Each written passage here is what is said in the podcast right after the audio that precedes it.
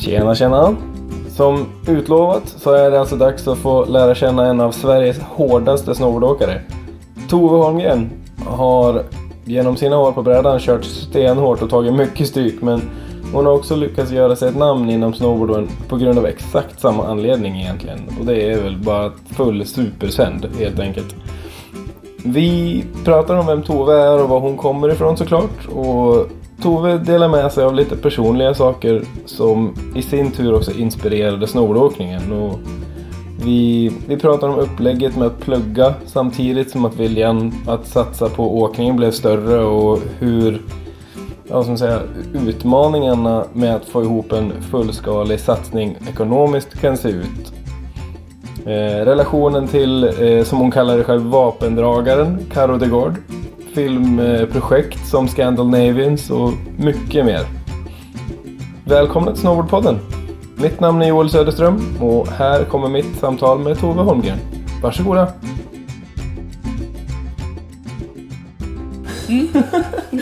ja men vad kul! Eh, Tove Holmgren, eh, välkommen! Tack så mycket, väldigt kul att vara här. Ja, men kul att du, att du har dig här i, i min, eh, i, vad ska man säga, hemma, hemma hos mig i min, eh, kan man kalla det hemmastudio? Det kan man göra i en väldigt nybyggda fina hemmastudio måste jag säga. Ja, eller hur? nu låter det här som att jag har en riktig studio här hemma. Det är en, en eh, mick på mitt bord i mitt vardagsrum. I mitt ombyggda vardagsrum. Alla fall.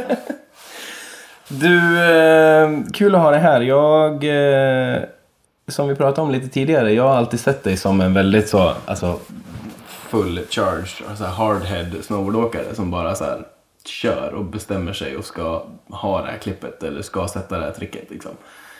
Känns det, känns det relevant? Ja, men det gör det. Det är kul att du, att du, att du ser mig så. Nej, men det har väl ofta varit så att jag har kört först och så tänkt sen.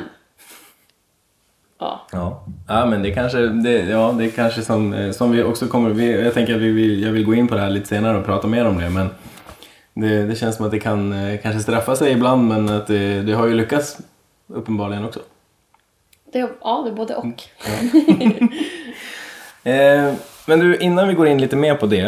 Eh, berätta lite var du kommer ifrån och hur du, för vi pratade om tidigare om det att du kom in i snowboard lite senare än vad många andra som har haft en karriär inom det kanske gör. Så berätta gärna lite om vad, hur, du, hur du växte upp, var kommer du ifrån och, och lite så. Ja, jag kommer ju från Umeå. Där jag växte upp med mina föräldrar och mina två äldre bröder som är 12 och 15 år äldre än mig. Så de, de flyttade hemifrån när jag var typ 5, 6, 7 år sådär. Ehm, men eh, jag eh, började ju inte med att åka snowboard. Jag började med att åka slalom, vilket jag gjorde när jag var typ fem bast. Som med mina föräldrar i vår lilla hemmabacke i Bräntpursbacken i Umeå. Stod och kämpade där med lyften och ja, gav mig aldrig. Det var himla kul faktiskt. Och så. Sen så åkte vi ganska ofta till så här Tärnaby och Hemavan under min uppväxt också. Mm. Några veckor per, per säsong. Sportlov och påsk och nyårsafton. Mm. Och så där och åkte slalom där. Och då åkte jag också med, med lite kompisar som också var uppe och så familjen och så. Men jag började inte åka snowboard förrän jag var... Ja men jag gick i sexan eller sjuan något sånt. Då fick jag min första bräda för att jag bara tyckte att det såg så jäkla kul ut. Vart så, minns du vart du såg snowboard där i, i den åldern? Ja men alltså det var ju... Alltså jag tror att det var, det var inte så himla... Det var inte jättemånga som åkte då, eller var det det? Jag kommer inte riktigt ihåg men jag inspirerades och ville åka så här i typ pisten mest. Åka och runt och svänga och sen självklart åka lite i skogen och så där. Det var ju skitkul. Så att jag åkte runt där. Men det var inte något jättefokus på det men jag tyckte alltid att det var så jäkla kul. Så vi åkte några veckor per säsong. Mm. Ehm, och sådär. Sen, sen hade jag väl ett annat fokus och jag höll på jättemycket med musik. Mm. Spelade, började spela althorn när jag var fem, fem år. Ja. Eh, så det har varit en stor del av mitt liv ända tills jag blev 20 och aldrig ville spela althorn mer. Men musiken var, började du med det som barn också eller? Ja, jag började när jag var fem år. Mm. Ehm, med en sån musikmetod där man lärde sig spela på gehör. Tills man kunde lära sig att läsa noter. Mm. Så då höll jag på med det där jättemycket och också med typ ridning och gympa, ballett och basket. Ja, jag gick igenom många av de där idrotterna. Men musiken var det största fokuset jag hade. Sen blev det snowboard. Sen blev det snowboard. ja, vad, vad var det, som, vad var det liksom som fick dig att klicka så här? Vad var det som, eh, minns du vad det var som gjorde att du bara såhär, nej nu åker vi snowboard och så är det bra med det? Ja, alltså det var lite så här, jag... eh, När jag gick i skolan på högstadiet så... Eh, ja, men jag, är så, jag var så sen med att komma igång riktigt med snowboarden och riktigt så här börja älska det på riktigt. Det var ju 23, 22, 23 innan jag började verkligen så här, det här. Varför har jag inte åkt så här mycket snowboard tidigare? Men det var liksom, jag hade lite jobbigt där i med eh, under skoltiden med så här, ätstörningar och sånt faktiskt i typ sju år. Som också tog ganska mycket fokus. Och då hade jag liksom inte varken så här, kraften eller energin eller tiden till att åka så mycket snowboard eller hålla på med så mycket fysisk aktivitet överhuvudtaget. Så att musiken var väldigt fokuserad. Men sen, då fick jag fan nog med den grejen. Efter gymnasiet när jag var 21. Ja. Eh, så att jag blev fri från den där skiten. Mm. Och kände så här. Nu jävlar ska jag ta revansch på typ livet. Eh, så att jag kände så här med fiolen och så. Det var ju. Det var ju bra. Jag är glad att jag gått igenom den delen för jag har ju fått mycket musik i mitt liv och liksom musiköra och sådär och det har gett mig mycket på det viset. Men det var också väldigt, väldigt mycket prestation i det där. Jag spelade till slut inte för min egen skull utan för att andra ville att jag skulle göra det för att de tyckte att det var väldigt... Jag var duktig och jag skulle söka in på vissa skolor och hit och dit och jag bara nej, jag vill inte det här. Nej. Jag vill fan åka snowboard. Så att då när jag blev fri från ätstörningarna och sådär så, så tänkte jag nu ska jag göra massa saker. Mm. Så då hade jag sett den här, att man kunde bli snowboardlärare. Så jag gick en sån introkurs i Tärnaby. Eh, på typ, ja det var någon helg eller någonting sånt. Och började liksom få upp snowboarden, snowboardintresset ännu mer. Men då var det ju mycket så här, vi gick igenom skärande sväng och ostkroken i pisten. Jajamän. Så jävla vad vi karvade. Men, Men- grymt bra basics då. Mm, det var, det var svinkul. Men, det här är kul för jag lyssnade ju på eh, Martina Larsson. Jag snackade med henne. just det. Och hon berättar ju om Tärnaby-tiden och sådär. Mm. Och det är kul för att när vi var där och höll på med våra carves i backen liksom. Så såg jag Martina. När Jaha. hon körde sina clean up backside 3 Ja, just Och jag bara jävlar vad fett det där ser ut typ. Ja. Det var liksom, hon var min största så här, eller min eh, liksom infallskick till att börja prova hoppa lite. Vad coolt. Mm, skitroligt. Och jag var ju liksom 22 kanske, hon är två år yngre än mig och hon hade hållit på med det där ganska länge. Så jag var ju ganska sen i det hela. Ja, Park, men det... råttasvängen. Ja, precis. Ja, men det är kanske egentligen inget... Skulle du säga att det kanske att du hade andra erfarenheter med dig genom att, jag menar, du hade gått igenom en del tuffa år innan. Du kände, du hade liksom fått kriga dig ur det här lite grann och sen hitta det här som du verkligen brann för. Liksom. Kände du att du kanske hade andra... ehm, kan det vara så att du hade andra erfarenheter med om dig själv som gjorde att du själv kanske kände dig ganska trygg i snowboardsituationer också? Ja men kanske, jag hade byggt upp någon, någon jävla styrka eh, under mina år och liksom och kan vända en sån negativ kraft som jag hade när jag var sj- sjuk i ätstörningar till någonting jävligt positivt och bli frisk från det hela. Jag tror att det har stärkt mig också genom att genom fortsättningen liksom efter. Så att absolut, det tror jag. Så att eh, jag är jätteglad att jag liksom jag kände aldrig då att gud vad sen jag är med det här utan jag kände så här fan vad fett, nu, nu börjar vi liksom. Mm. Eh, Nu kör vi. Nu kör vi. Så att då började jag ju lite med det där och prova hoppa lite och så men det var inte mycket. Nej. Men jag åkte till Funäsdalen och eh, jobbade på deras skidskola där, eller i Tänndalen. Mm. Tandådalen, vad är det? Tänndalen. Ja, där. Ja, Tenn- precis. Ja, Ja. precis. Där, och så var jag på skidskolan där några Mm. veckor. Och då började vi hoppa lite mera. Och drog till Ramenbergets park och hoppade lite där. Men sen året efter, det, det var inte så mycket då det året, det var lite grann. Jag åkte mycket runt också i liksom svängde och åkte fort liksom. Men Mm. sen året efter, då åkte jag till eh, dit igen. Och då hängde jag jävligt mycket i Rambergs park och bara var helt dum i huvudet om man får säga så. Vilket år är vi på nu? Okej, nu minns du? är vi på, nej jag vet fan vilket år, men jag tror jag var 23. Ja. Och vad är det nu? 36? Mm. Ja, men jag bara så här, vad, vad kan det ha varit runt 2000, vad blir det då? 10 kanske? Någon, någonstans? Nej. Eller? Nej, längre bak. Tidigare? Ja, måste det. Ja, herregud. Ja, det, ja, mycket längre ja, bak. Förlåt, jag, Ja. jag tänker eh, eh, en, en instans för kort här. 18, 8, 2005? Ja. Någonting sånt. Mm. Ja, eller 2004, något där. Mm. Då var jag där och så körde jag Rambergs park och bara körde. Liksom hoppade utan att tänka och jag kunde liksom inte ens göra en boardslide. Men jag bara åkte upp på räcken och körde fort som tusan liksom. Mm. Men ja, det var väldigt, väldigt, alltså det såg ut som att jag skulle dö typ hela tiden. Men jag gjorde ju aldrig det. Nej, Nej Men- uppenbarligen. Det, är Men- det är vi väldigt glada för. Ja, det är bra. Tack. Men det var jävligt kul. Jag hade så jäkla roligt. Mm. Så där började liksom min, min riktiga parkpepp. Mm. Och sen ville jag liksom inte åka något annat än park. Nej. I stort sett. Det är lätt, att vi, det, det är lätt för oss svenska eh, snowboardåkare att falla in i den lite grann. Så. Lite parkråtta. Jo, men och sen var det ju det, men vi det vi pratat om förut lite Mm. grann i, i den här, men, men det var ju väldigt mycket så Alltså park var ju det man åkte Mm. som snowboardåkare. Det hette ju till och med snowboardpark. Liksom. Mm. Så det är klart att det blir lite fokuserat och det är lätt att man hamnar in i det. Därför tycker jag det är så intressant att höra liksom att det var inte det som var ditt fokus från början. Nej. För för väldigt många så är ju det hopp och räcka, eller liksom åtminstone Mm. kanske hopp och så, som var det, lite av det första man såg när Mm. man var yngre. Och det var det som gjorde att man sa shit det där är coolt liksom. Mm.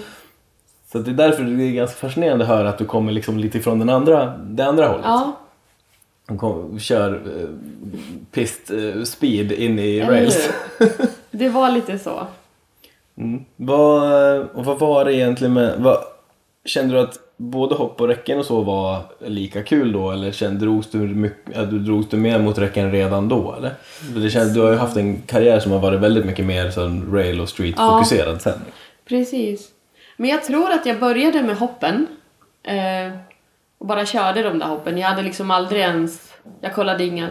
Inte något inrunet hur det såg ut. Jag kollade inte hur landningen såg ut. Jag bara körde i hoppen. Och det var så här, det var väl det jag körde först. Men jag kunde inte göra något trick då. Jag kunde ju åka hoppa rakt. Mm. Jag kunde kanske göra en 180. Jag kunde åka 50-50 på räckena med ride-on kick. Mm. Men jag körde bara jävligt fort. Ja. Eh, och det var väl då, jag kommer ihåg att jag var i Rambergs park på någon sån här tävling. Och så var jag med på det där och körde så fort. Och liksom lite ganska o, orädd. Och då var We där som var sponsorer för den tävlingen. Och då så såg de mig där och så frågade de en eh, annan tjej som jobbar där i parken och bara Vem fan är det där? Va, vad håller hon... Va? va, va? Vad gör hon? vad gör hon egentligen? Men vad kul med en tjej som chattar. Och det tyckte jag fan var roligt att höra. Mm.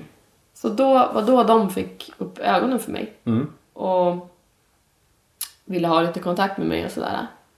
Men då råkade jag liksom på typ sista månaden på den säsongen så fick jag typ två hjärnskakningar där jag tuppade av fullständigt. Plus att jag drog av korsbandet i knät. Mm. Så då var jag ju lite skadad eh, och så. Så då fick jag göra ett uppehåll på snowboarden i typ ett och ett halvt år innan jag kunde åka igen. Mm. Så det var bara massa rehab-träning och sånt. Mm. Det... Så det var ju jävligt synd. Ja, eller hur? Men vad, och hur gick det vidare sen då? För men då var det i slutet av säsongen som det hände. Ja, Naturligtvis, jag menar sommaren och sen vintern efter, då kunde du heller inte åka något. Så du missade Nej. typ egentligen en hel, en hel säsong till där då. exakt. Var, var mycket glöd sen när du, vill, när du skulle komma tillbaka Ja, alltså jag var så peppad och jag hade tränat så mycket så jag kände mig stark liksom. Mm. Så tänkte jag så här, men nej, nu måste vi, måste vi ta upp det här igen. Mm. Liksom. Så att då, då var det jävligt kul för det var, det blev som ett spindelnät av folk som tyckte om att åka snowboard.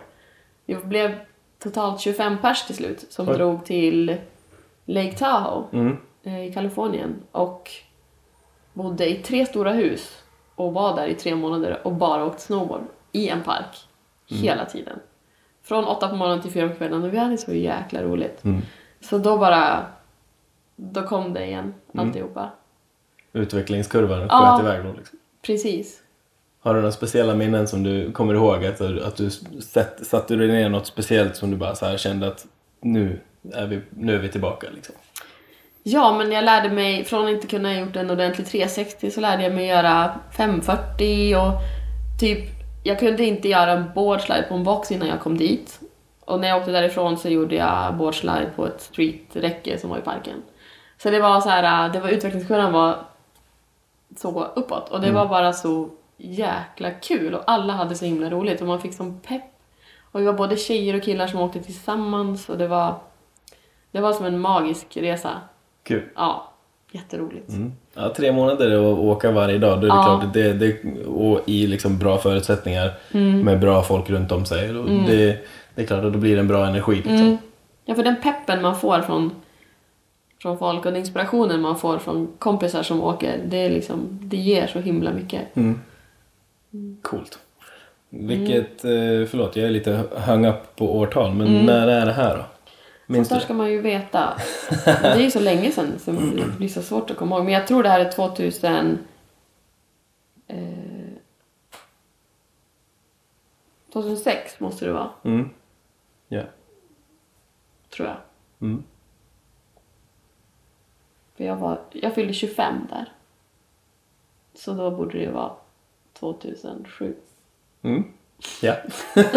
ja men det, är, det- börjar ju bli ett tag sedan nu. Vi börjar, det, Ja. det är svårt att minnas alla såna Ja, jag vet. Ja.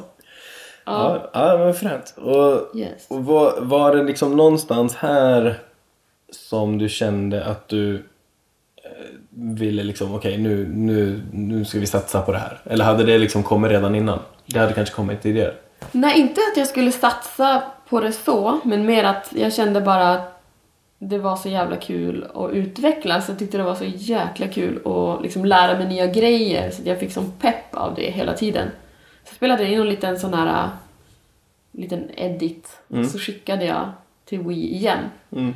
Och så såg de den och så blev det mer med Wii då. Mm. Och det var så jag kom in i Wii på riktigt. Så då fick jag lite kläder av dem och sådär. Och samtidigt fick jag börja jobba i deras butik i Stockholm, Wii-butiken. Mm. Så då jobbade jag lite där på, på sommaren. Så det var kul att få jobba för det märket som man brann för så mycket och fick representera lite grann när man åkte snowboard. Mm. Ja, Så det var jättekul. det går ju lite hand i hand. Det är naturligtvis det peppet av att de supportar dig. Såklart Ja. tar du ju också ut i försäljningen så att Ja, säga. Ja, cool. Precis.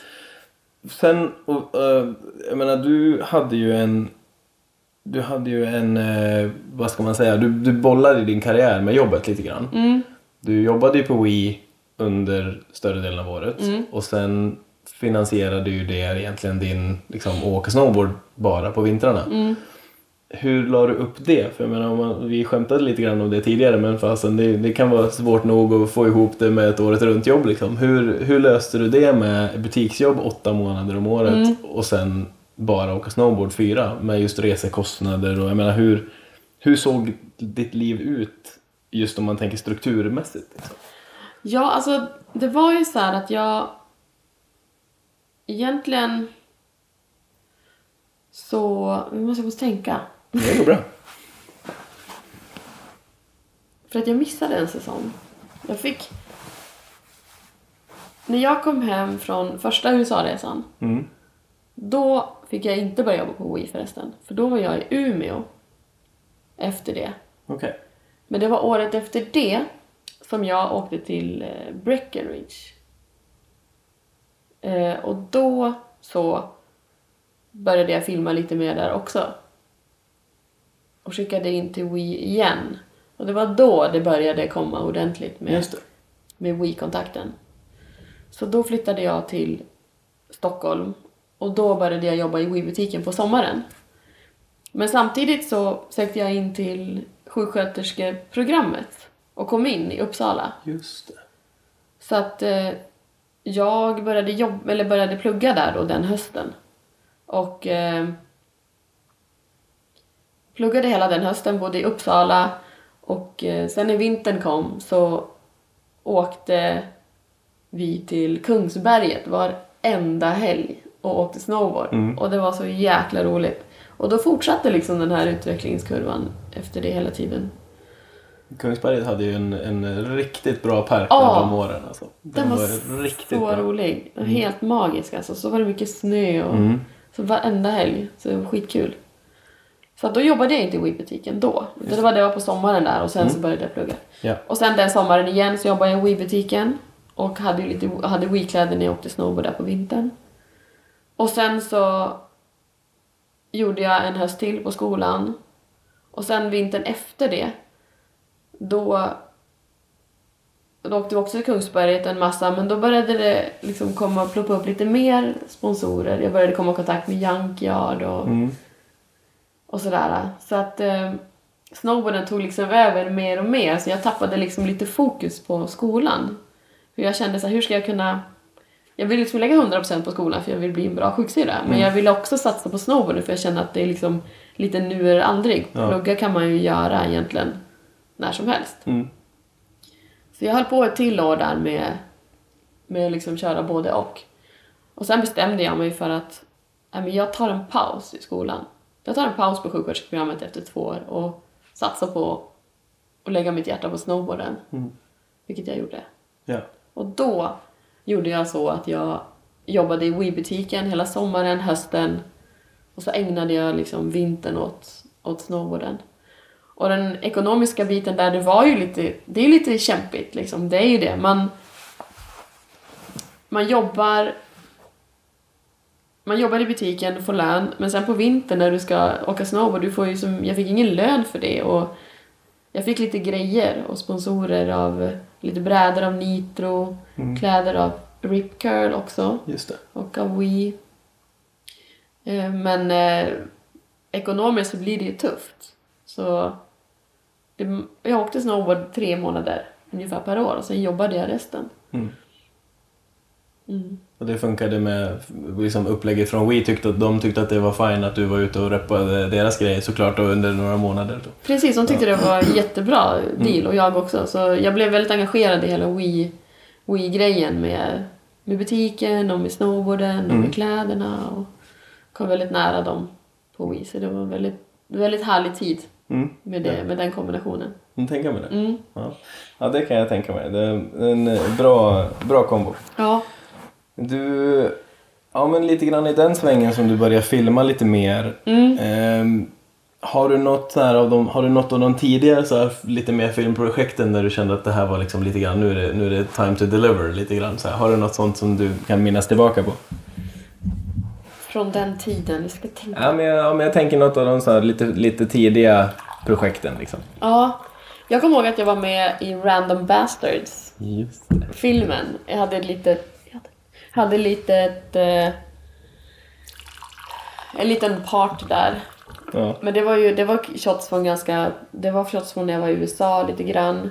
Och så. Så det var inte så mycket street-grejer där. Det var några stycken små, små streetfilmningar. Men, men det var den första, första parten jag var med i. Ja. Eller första filmen jag var med i.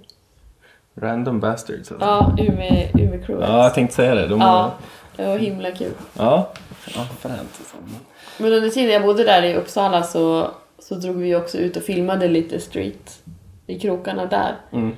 Och då var det väldigt, det var väldigt nytt. Det var ju en annan grej att gå från, från park-rails till street-rails. Mm. Men det var så jäkla roligt. Alltså det var ju som en helt annan grej och en helt annan adrenalinkick. En ny med utmaning. där. Helt ny utmaning. Mm. Vad var det, jag menar, vad, vad var det som kände... För sen då gick du, efter den svängen, då gick du ju verkligen... Alltså, rätta mig om jag har fel, men mer eller mindre all in på street.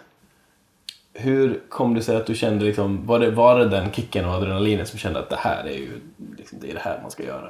Men jag tror det. Alltså jag tyckte det var roligare att åka rails än att hoppa. Mm. Och så kände jag att min... Ja, alltså, ja, men det var någonting. Det var någonting med det där som var... Det var liksom köttigare. För mig kändes det köttigare. Mm. Och, och, mer, och liksom själva grejen att få köra street med, med kompisarna och liksom hela processen inför. Man får leta reda på det räcke man vill köra eller den husvägg man vill köra eller vad det nu kan vara. Och sen liksom bygga upp hela setupen och liksom, ja, hela grejen runt omkring också. Och sen att man peppar varann och liksom det är ett trick du ska sätta på det räcket, det kan ta flera timmar. Men det är någonting med det där som är, Mm. som är lite charmigt. Man blir så jävla stokad. Och man blir stokad när ens polare sätter tricket också. Som den kämpar för så mycket. Mm. Så ja, jag, jag kände att det var liksom det jag ville göra. Mm. Ja, men det blir ju en... Det, ska man säga att det blir en större belöning i ett street-trick med tanke på att man får lägga ner så pass mycket jobb för att få till det, liksom, att det ska hända. Ehm, svårt och... Eh, svårigheten är väl liksom att det, det, kan, det kan kännas så himla... Eh, liksom, jag vet inte hur jag ska beskriva det, men att man lägger ner så himla mycket jobb på ett street shoot liksom. Ja, Och sen när, liksom, så får man det där färdiga klippet på, på filmen. Mm. Och de där timmarna innan, de kanske inte syns på filmen. nej precis. Eh, men, du- men jag förstår verkligen vad du, vad du menar. Ja, och det är ju en hel, alltså det kan gå en hel dag. Det är ju verkligen ett arbete bakom Mm. när folk kör street. Har du något speciellt spot där ni har lagt ner så hysteriskt mycket tid? Har du, har du, har du något så här, den fick vi jobba för? Ja, men jag kommer ihåg vi körde ett, ett räcke i, i Stockholm. Mm. Det var en fyrkink. Det var jag och eh, min vapendragare, Caro de Gaulle. Ja, just det. Ja, henne, henne ska vi också eh, gå in Ja. på. Det. Ja. Vi körde, vi filmade inför Scandinavian-filmen. Eh, tillsammans med Robban Gustafsson. Mm. Eh, och det var vi två och han som filmade. Och det här räcket var så jäkla svårt. Men ville inte, jag ville inte ge mig. Så hade jag hållit på och nätat det där. Jag ska göra 50-50 på det där fyrkinken. Och ramla, skrota typ hela tiden. Och det var liksom, ja, det var lite gnarly. Men då säger de så här, Tove, nu har du två försök kvar, sen blir det för mörkt för att filma. Och jag bara, what the och då var det som någonting som man bara, nu jävlar. Mm. Och så satt de, satte jag det och blev Ja. så himla glad. Alltså det, det är sånt minne som man har från street. Ja. Den där fyrkinken liksom. Ja, coolt. Mm. Eh, apropå Caro de Gard. Mm. Ni, ja, jag menar, jag sa det precis i början att eh, alltså, du är ju väldigt så känd för ja men bara head on och bara köra liksom. Eh, och Caro lika så. Och ni har ju delat, ni har ju filmat ganska mycket tillsammans, eller hur? Ni har ju delat ganska mycket. Och jag menar, det känns ju som att Alltså jag har alltid varit, när jag vet att ni är med i en film så har jag alltid varit superpeppad på att se den. Men lite rädd samtidigt. För man är lite så här, hur mycket blod, svett och tårar kommer det vara i den här parten liksom? Ni känns som att ni alltid har lagt ner så jäkla max jämt. Och det känns som att det alltid saknar tänd, saknas tänder eller liksom någonting när ni kommer ut ur eran part liksom. Vad, har du något speciellt minne som står ut med att filma med Karo? Har du, nå- har du någon så här anekdot du kan ge oss? Ja, men alltså det... Jag och Karo, vi har ju haft så jäkla kul när vi har filmat. Och vi... Hon är ju... Vi är orädda båda två. Och hon är också galen. Mm. Och helt magisk att åka snowboard med, så jävla kul. Alltså, vi var på en... eh, På ett, I Funäsdalen och skulle köra street där tillsammans, hon och jag. Och då hade vi hittat varsitt räcke vi skulle köra, typ på ungefär samma ställe. Och hon skulle börja på sitt ställe. Och det var liksom... Hon skrotade så jävla mycket och ramlade. Alltså hon, hon körde såna assplants, eller vad det heter, i trappen. Typ 45 000 gånger och till slut så satt hon där och tricket. Det var så jävla snyggt. Och då blir, då blir jag så jäkla peppad och så inspirerad av, av hennes köttande. Så man får, så, vi får energi av varandra tror jag. Jag fick jättemycket energi av henne när jag åkte snowboard Mm. med henne. Så ja. Mm. Go Karo. Ja, verkligen. Ja, hon är, hon är också verkligen... eh, Hon håller inte igen. Nej, inte alls. Nej. Nej men, hur, hur kom det sig att ni två... Hur lärde ni känna varandra? Hur kom det sig att ni två började filma så mycket ihop? Alltså, ehm, jag tror att jag hade väl kört lite grann först och kanske varit med på någon liten edit någonstans och sådär. Eh, och jag kom, fram, kom, kom ihåg att hon kom fram till mig när vi var på Frontline Ralium och bara kollade. Vi kollade båda två bara på, Mm. på när de körde. Då kom hon fram till mig och började snacka och jag sa att hon gärna skulle vara jävligt kul att köra snowboard ihop liksom. Så det var där vi började, tror jag, våran, våran kontakt. Mm. Och sen så hade vi kontakten där och började filma lite tillsammans. Något år efter det. Så då åkte jag, har jag åkt på massa resor, parkresor och vi träffades i Big Bear också, gjorde Mm. vi. Och där körde hon också massa rails och grejer. Mm. Men eh, ja, så vi började filma lite grann efter det samtalet. Mm. Jävligt kul. Ja, men coolt. Ja, ni har ju verkligen haft en, en eh, vad ska man säga, gedigen hi- historia tillsammans. Ni har ju också faktiskt fa- haft några av de gnarligaste kraschsektionerna tillsammans. Slam session. ja, verkligen. Ja. Hur, eh, hur känns det att, att eh, se tillbaka på det som eh, utbildad eh, sjuksyrra? Jag tycker att eh, det är ju liksom... Alltså att krascha och göra illa sig man åker snowboard, det hör som till Mm. sporten. Så ska det vara. Och sen, jag tror att det är också det som har alltså ins- inspirerat mig också till att läsa till sjuksyra. Jag började ju läsa innan jag började köra street, men jag liksom hade ju skadat mig och varit involverad i sådana grejer innan jag började läsa också. Så att jag tror att det har väckt mitt intresse och också att det är liksom nice att veta lite grann hur man ska ta hand om sig själv hur? när man gör illa sig. Ja. Sen, sen, sen lever jag ju liksom inte alls som jag lär överhuvudtaget Nej. på jobbet. Så att, Nej. Är du en annan, eh, eh, en annan person på jobbet? Eller en annan, en annan person, men du har lite annat tänk. jo, men det, det har jag. Där, är- det har jag absolut. Där går man ju in... Alltså där är man går in för att hjälpa andra och dela med sig av sin kunskap. Och Ja, det är jag. Alltså jag är ju, jag är mig själv men, men jag är inte lika klantig och liksom, jag, jag tänker innan jag kör om man säger så. Ja. ja, ja, men det är härligt att höra. Ja, äh, vi kan, det är inte riktigt eh, meningen att vi bara ska prata skador, men det, men det är ju så. Det är det, jag menar, min, min eh, vad ska man säga, din, eh, din inspiration till mig, om man säger så, det är att när det, när det släpps en ny part med dig, då vet jag att det här kommer bli ösigt. Det här kommer bli, det här kommer bli matigt liksom. Så det är därför man är alltid så peppad. Och det är väl så att när man, när man går så all in, då blir det så ibland. Och så är det väl liksom. Så är Det, det. det hör ju till som du sa. Ja, precis. Ja, ja men det är fränt.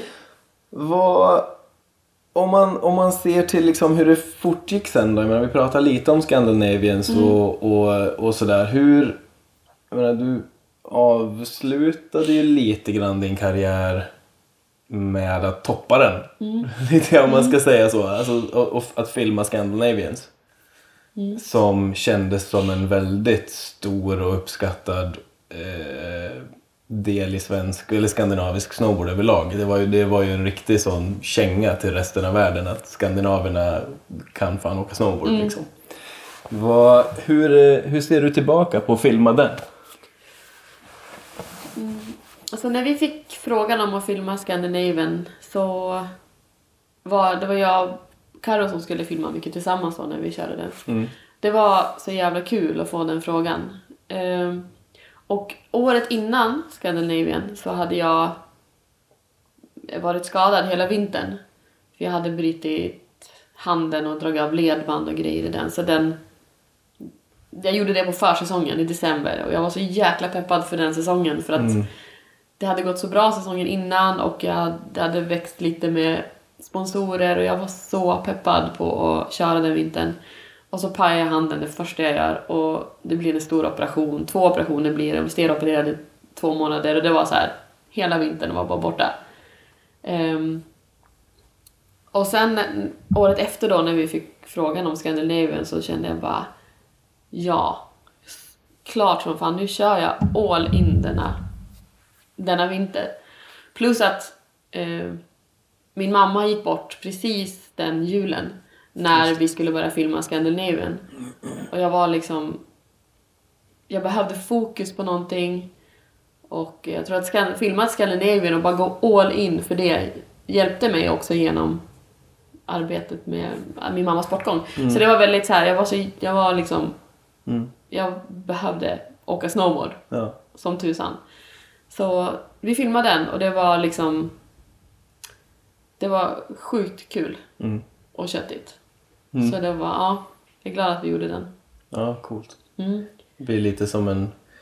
Om man får, bara, man får vara lite Ja. djup, det blir, kändes den insatsen blir lite som en hyllning till mamma också på något sätt. Liksom. Att Ja men här- lite faktiskt. Hon, hon peppade mig Mm.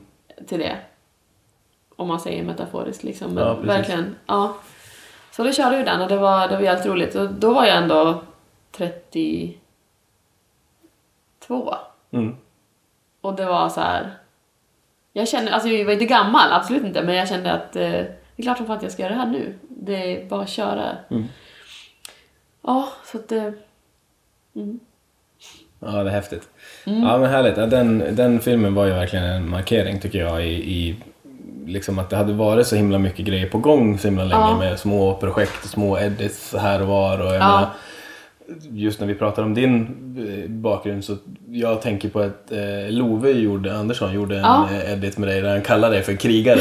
och så här, att han, all, att han eh, liksom aldrig har sett någon som bara så här går så all in Mm. oavsett att det är liksom det är frys kallt och det är Mm. isigt och jäkligt och det är liksom allt går emot en men det spelar Mm. ingen roll liksom. Nej. Så det känns som att det hade varit mycket sådana grejer på gång ett tag. Mm. Och sen kom ju då den här liksom Scandinavians-projektet som någon form av så här slägga. Liksom. Ja, precis. Det var... När jag hade gjort den filmen och den var premiär och så, då var vi var så glada och peppade och det var så kul och det kändes så roligt att det var så sjukt många bra åkare i den här filmen och visa liksom, streetscenen. Det var jävligt kul. Mm. Så många bra svenska åkare i den. Har, du något, eh, har du något som står ut från den? Har du någon, var, du, var du extra nojig för någonting i den? Jag vet inte.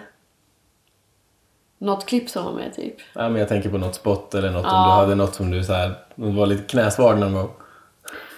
Ja, vi skulle gappa någon grej där med någon sån här... ah, vad heter det? Bungee? Mm. Ja, det kommer jag ihåg. Det var, det var kämpigt. Det var kämpigt med farten. Det var, gick jävligt fort. Och det var, men det var, det var ju värt det. det var väldigt, vi lyckades liksom. Mm. Är det, nu, nu får jag ställa frågan för Mm. jag är osäker. Är det gap ner till, det, eh, alltså gappar du över ett rail och landar i sista delen? Liksom? Ja, exakt. En down flat down och gappa till. Är inte till det den sista. shotet i din part?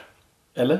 Nej, det är nog den där fyrkinken i Stockholm. Det kanske är den som Ja, är sista? jag Okej. tror det. Ja, jag, jag minns att Ja. jag har sett det här gapet. Jag, jag Ja, vet att jag har sett det men jag, jag var inte helt säker på vart det låg.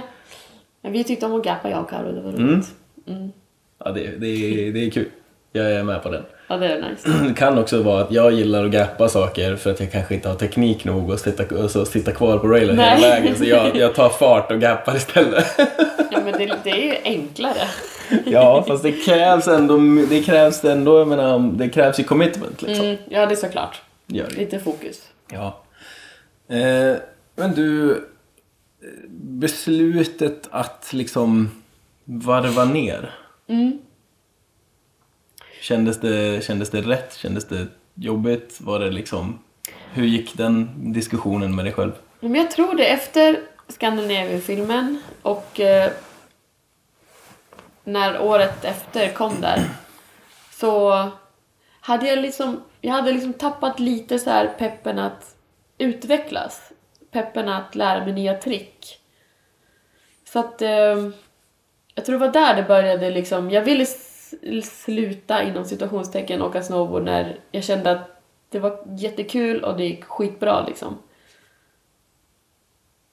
Men, eh, men vad heter det, så att jag kände att jag hade tappat motivationen lite grann.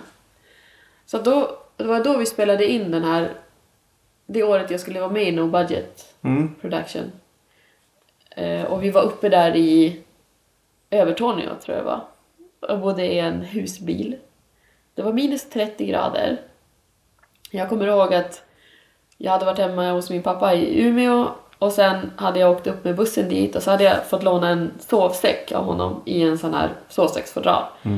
Så kommer jag upp dit till Övertorneå och ska packa upp den här sovsäcken. Äh, då är det en, det är ingen sovsäck utan det är en jacka jag fått med mig. Nej. Så att eh, jag bodde där i en husbil, minus 30 och hade liksom en jacka som sovsäck.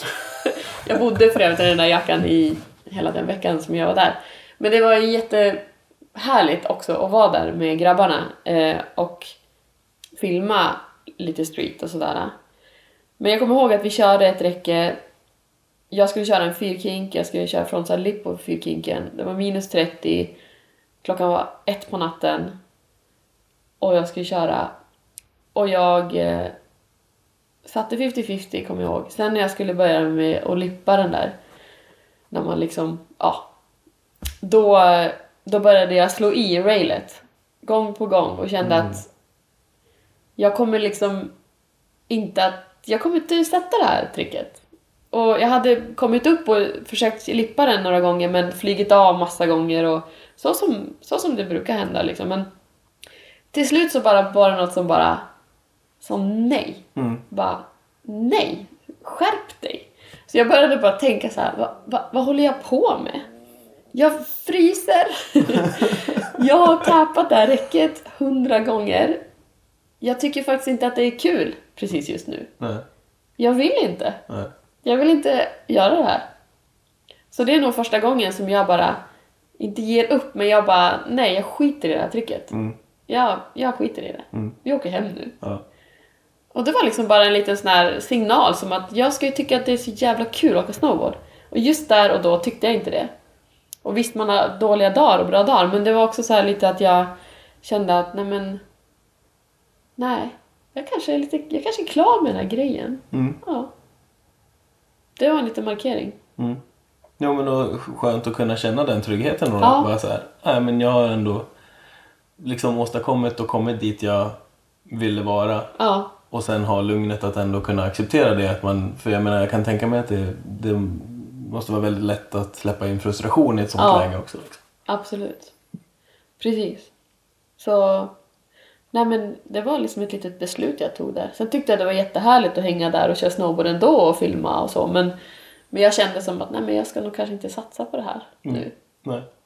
Så det var, det var den. Och sen, sen åkte jag snowboard bara på skoj inom situationstecken eh, resten av vintern. Filmade lite grann. Vi filmade då, jag och Karo också faktiskt till den här Too Hard Just det. Tjejfilmen där. ja. Från USA. Och det var ju det var kul. Ja. Så då fick vi filma lite med dem också. De var i Sverige och åkte. Dock Ja. så var det typ det sämsta snöåret ever i historien i Sverige. Men vi kämpade på där. Mm. Så det var också en kul upplevelse tillsammans. Mm. Men det var liksom det året, sista året. Ja. Mm. Och, och sen efter, jag menar, när du hade liksom gått igenom den här processen med att ta det här beslutet, filma de här sista delarna där du liksom kände att du kanske mer, ja men att du kände dig lite klar. Då tog du beslutet att gå tillbaka till studierna. Ja, precis. Det blev som så. Jag hade haft uppehåll från sjuksköterskestudierna i typ sex år. För att jag tog snowboard. Och kände att... Jag hade, jag, när jag tog mitt uppehåll så tänkte jag så här, vi får se om jag, gör, om jag vill bli sjuksköterska, om jag ska gå tillbaka till det här. Men så kände jag så här att... Nej, det är klart. Jag, jag, vill, jag vill bli klar. Jag vill bli syrra liksom. Mm. Jag tror att det kommer passa mig skitbra. Så att jag, jag började jobba lite som undersköterska. Eh, på akuten och liksom började få in tänket igen, vårdtänket. För jag hade varit ifrån det här så himla länge så det var mycket att färska upp. Mm. Och sen så pluggade jag sista året till sjuksköterska och sen, sen blev jag klar nu för ett och ett halvt år sedan. Sjuksyra. Så då Mm. har jag jobbat med det sen dess. Mm. Så nu är du, nu är du, nu är du sjuksyre-Tove istället för snowboard-Tove. Kanske det. Jag tror, jag tror att du alltid kommer vara lite snowboard-Tove också. Tror du inte det? Jo, kanske. Helt övertygad. Men det är nice där att man kan, för sjuksköterskeyrket det gör som att jag kan, det är så bra att kombinera med sina passioner och sina hobbys. Att Mm. jag kan liksom jobba som sjuksyra ett tag, sen kan jag, du kan åka iväg till Sri Lanka och jobba Mm. några månader som jag på camp där som jag ska göra nu. Mm. Och sen kan jag komma tillbaka och jobba som sjuksyra igen så det är perfekt när jag vill kombinera det med både snowboard och surf och Mm. det jag verkligen brinner för. Mm. Så får jag stimulansen också Ja. från två olika håll. Eller hur? Jo, men att känna att du ändå också liksom fick gå i mål med det här projektet som du startade för sex år sedan. Ja men alltså. exakt. Det känns jättebra. Ja, coolt. Mm. På tal om, nu nämnde du surfen lite grann. Jag tänkte faktiskt att vi skulle gå in på det. Ja. Hur, om man ska säga, hur skiljer sig liksom inställningen och, och tankarna kring eh, liksom, snowboardåkningen och snowboardsatsningen kontra vad snowboarden, eller vad ska man säga, vad surfningen är för dig idag? Hur, hur, hur ser det ut med hur, tankegångarna? Liksom? Det kanske var så när, man, när jag åkte snowboard så... Det var ju mycket prestation i allting också. Att man åkte inte bara för sin egen skull. Jag ville också göra bra ifrån mig för vissa sponsorer man hade och man ville för sig själv också prestera bra. Ehm, men om jag tänker på surf så är det liksom något helt annat för mig. För det är bara... Jag bara är. Jag är inte duktig på att surfa alls. Jag älskar att... Jag älskar liksom utvecklingen i surf. Jag älskar, alltså, jag älskar att vara i vattnet att, och försöka lära mig surfa. Och jag vill ju bli duktig på att surfa men jag har inte något mål överhuvudtaget att bli jätteduktig. Utan bara att jag tycker det... Att få ha upplevelsen och känslan av surfet. Det är det som... Inga mål att bli bra. Men mål att ha kul. Bara. Mm. Och så tar det sån jäkla tid att lära sig surfa. så att eh, det är skönt att ha den inställningen. Mm. Så jag, ja. Men jag har ju jättemycket kärlek till snowboard. Alltid. Hela tiden. Men nu när jag åker snowboard så åker jag bara för att... För min egen skull och för att det är kul och jag skulle vilja åka lite puder vilket jag har missat fullständigt för att jag har varit en sån parkråtta typ hela, hela tiden. Ja. så den, den känslan vill jag ha på snowboard också. Ja. Jag minns faktiskt när om vi backar några år så, så minns jag när du och jag var ute och åkte eh, när vi drog ut på skutan när det hade snöat och var ute och droppade lite klippor och, och grejer och det var, som, det var lite så här, det var så kul att se det var, det var nästan som att man så såg en typ tändning hos dig då. Det var lite så här shit vad, varför har vi inte gjort det här förut liksom? Exakt så. Det är en sån... Exakt, varför har man inte gjort det förut? Så Ja. jäkla roligt. Mm, nej, men det blir lätt så. Man, Om man hamnar i den där liksom, man får det drivet att bara det här är mitt mål och det här ska jag göra. Och då, naturligtvis så blir man väldigt inriktad på det och det är ju helt naturligt. Ja. Det är inget konstigt. Nej, precis. Ser du, det, ser du jag, kan, jag antar att du har en lite annan, liksom, kanske lite mer av den surfinspirerade tanken kring, kring snowboard nu då. Liksom, att man måste åka för sig själv och bara för att det är kul och, och Absolut. back to the roots lite grann på något sätt. Ja, ja, det är det jag vill komma till med surf men nu har inte jag, nej vad säger jag med snowboard, komma till med snowboard men nu har jag inte åkt snowboard ordentligt på typ tre år. Mm. Jag har inte många dagar per år de senaste tre åren överhuvudtaget. Jag tror att det kan vara lite så med snowboard, det var lite allt eller inget ett tag. Ja, just det. Eller det var det. Och jag tror att jag har lite svårt att hitta den där balansen Mm. med att bara åka för att det är kul. Ja. Och liksom åka igenom, park, igenom en park och inte känna att jag måste lära mig något nytt eller att jag ska kötta som fan utan att jag bara kan åka runt och ha det gött där. Mm. Mm. Så, så att, Svårt att distansera sig från den, det gamla tänket. Liksom. precis. Och jag, jag vet att jag kommer att hitta den balansen, absolut. Jag kanske bara måste ge det lite tid. Mm. Ehm, och sen så har jag hittat den här surfen nu som, som bara är bara gött och chill och ingen prestation och man behöver inte vara duktig och det är bara ingen som har några förväntningar överhuvudtaget. Eller, Nej. utan man bara, man bara surfar. Ja. Nej, men det är superskönt att få den, liksom det andrummet i, i sig själv på Ja, precis. Härligt. Mm. Du, eh, lite grann som en avslutande grej så tänkte jag faktiskt be dig, det var jättekul att höra lite mer om din liksom, bakgrund och var du kommer ifrån och, och, och lite grann liksom, karriären och, och, och toppa med, med ett stort projekt och, och hela den biten. Du som kom, liksom, som vi pratade om, som kom in lite senare i snowboard och som hade gått igenom mycket annat och provat mycket andra idrotter som många Ja. unga gör. Vad, har, du, har du något så här, har du något tips som du skulle kunna ge till en yngre snowboardåkare som, som kanske är på gång in eller alltså, det behöver inte vara en yngre men kanske någon som är lite, lite ny på snowboard Mm. som känner att bara, det här är så jäkla kul. Liksom. Ja. Har du någonting som du kan så här, dela med dig om att det här skulle, det här kan jag ha tänkt på? Ja, men jag tror att man ska... Man ska liksom... För det första, om man tycker det är så himla kul så ska man liksom följa det. Följa att... Bara drivkraften i att man tycker det är roligt. Och man behöver inte bli bäst överhuvudtaget. Och jag menar, jag var, en, jag var ingen snowboardnörd. Jag kunde ingenting om brädmärken. Jag kunde ingenting om vilka åkare som som var aktuella riktigt. Ehm, um, ja, och så man behöver inte kunna sånt heller bara för att åka snowboard utan åka på känsla. Och självklart är det ju nice att ha förebilder och inspirationskällor när man åker snowboard. Men ha jävligt kul bara. Och mm söka sig till andra som tycker det är kul att åka snowboard så man kan peppa varandra. Mm. För det finns så många som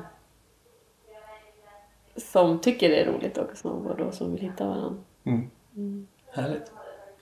Ja men det är lite så. Det, det känns som att man får Hamnar man, i, hamnar man i den här energin så det spelar ingen roll om vem som är som gör störst trick. Eller det är alltid bara det är high fives och, och bra häng liksom. Exakt. Det är lite det man gillar. Det är det viktigaste.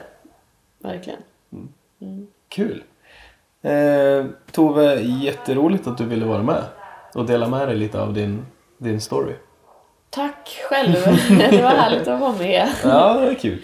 Du, eh, vi, eh, ja, jag tror vi säger så. Ja. Jag tror vi har täckt det. Ja, härligt. Ja, kul.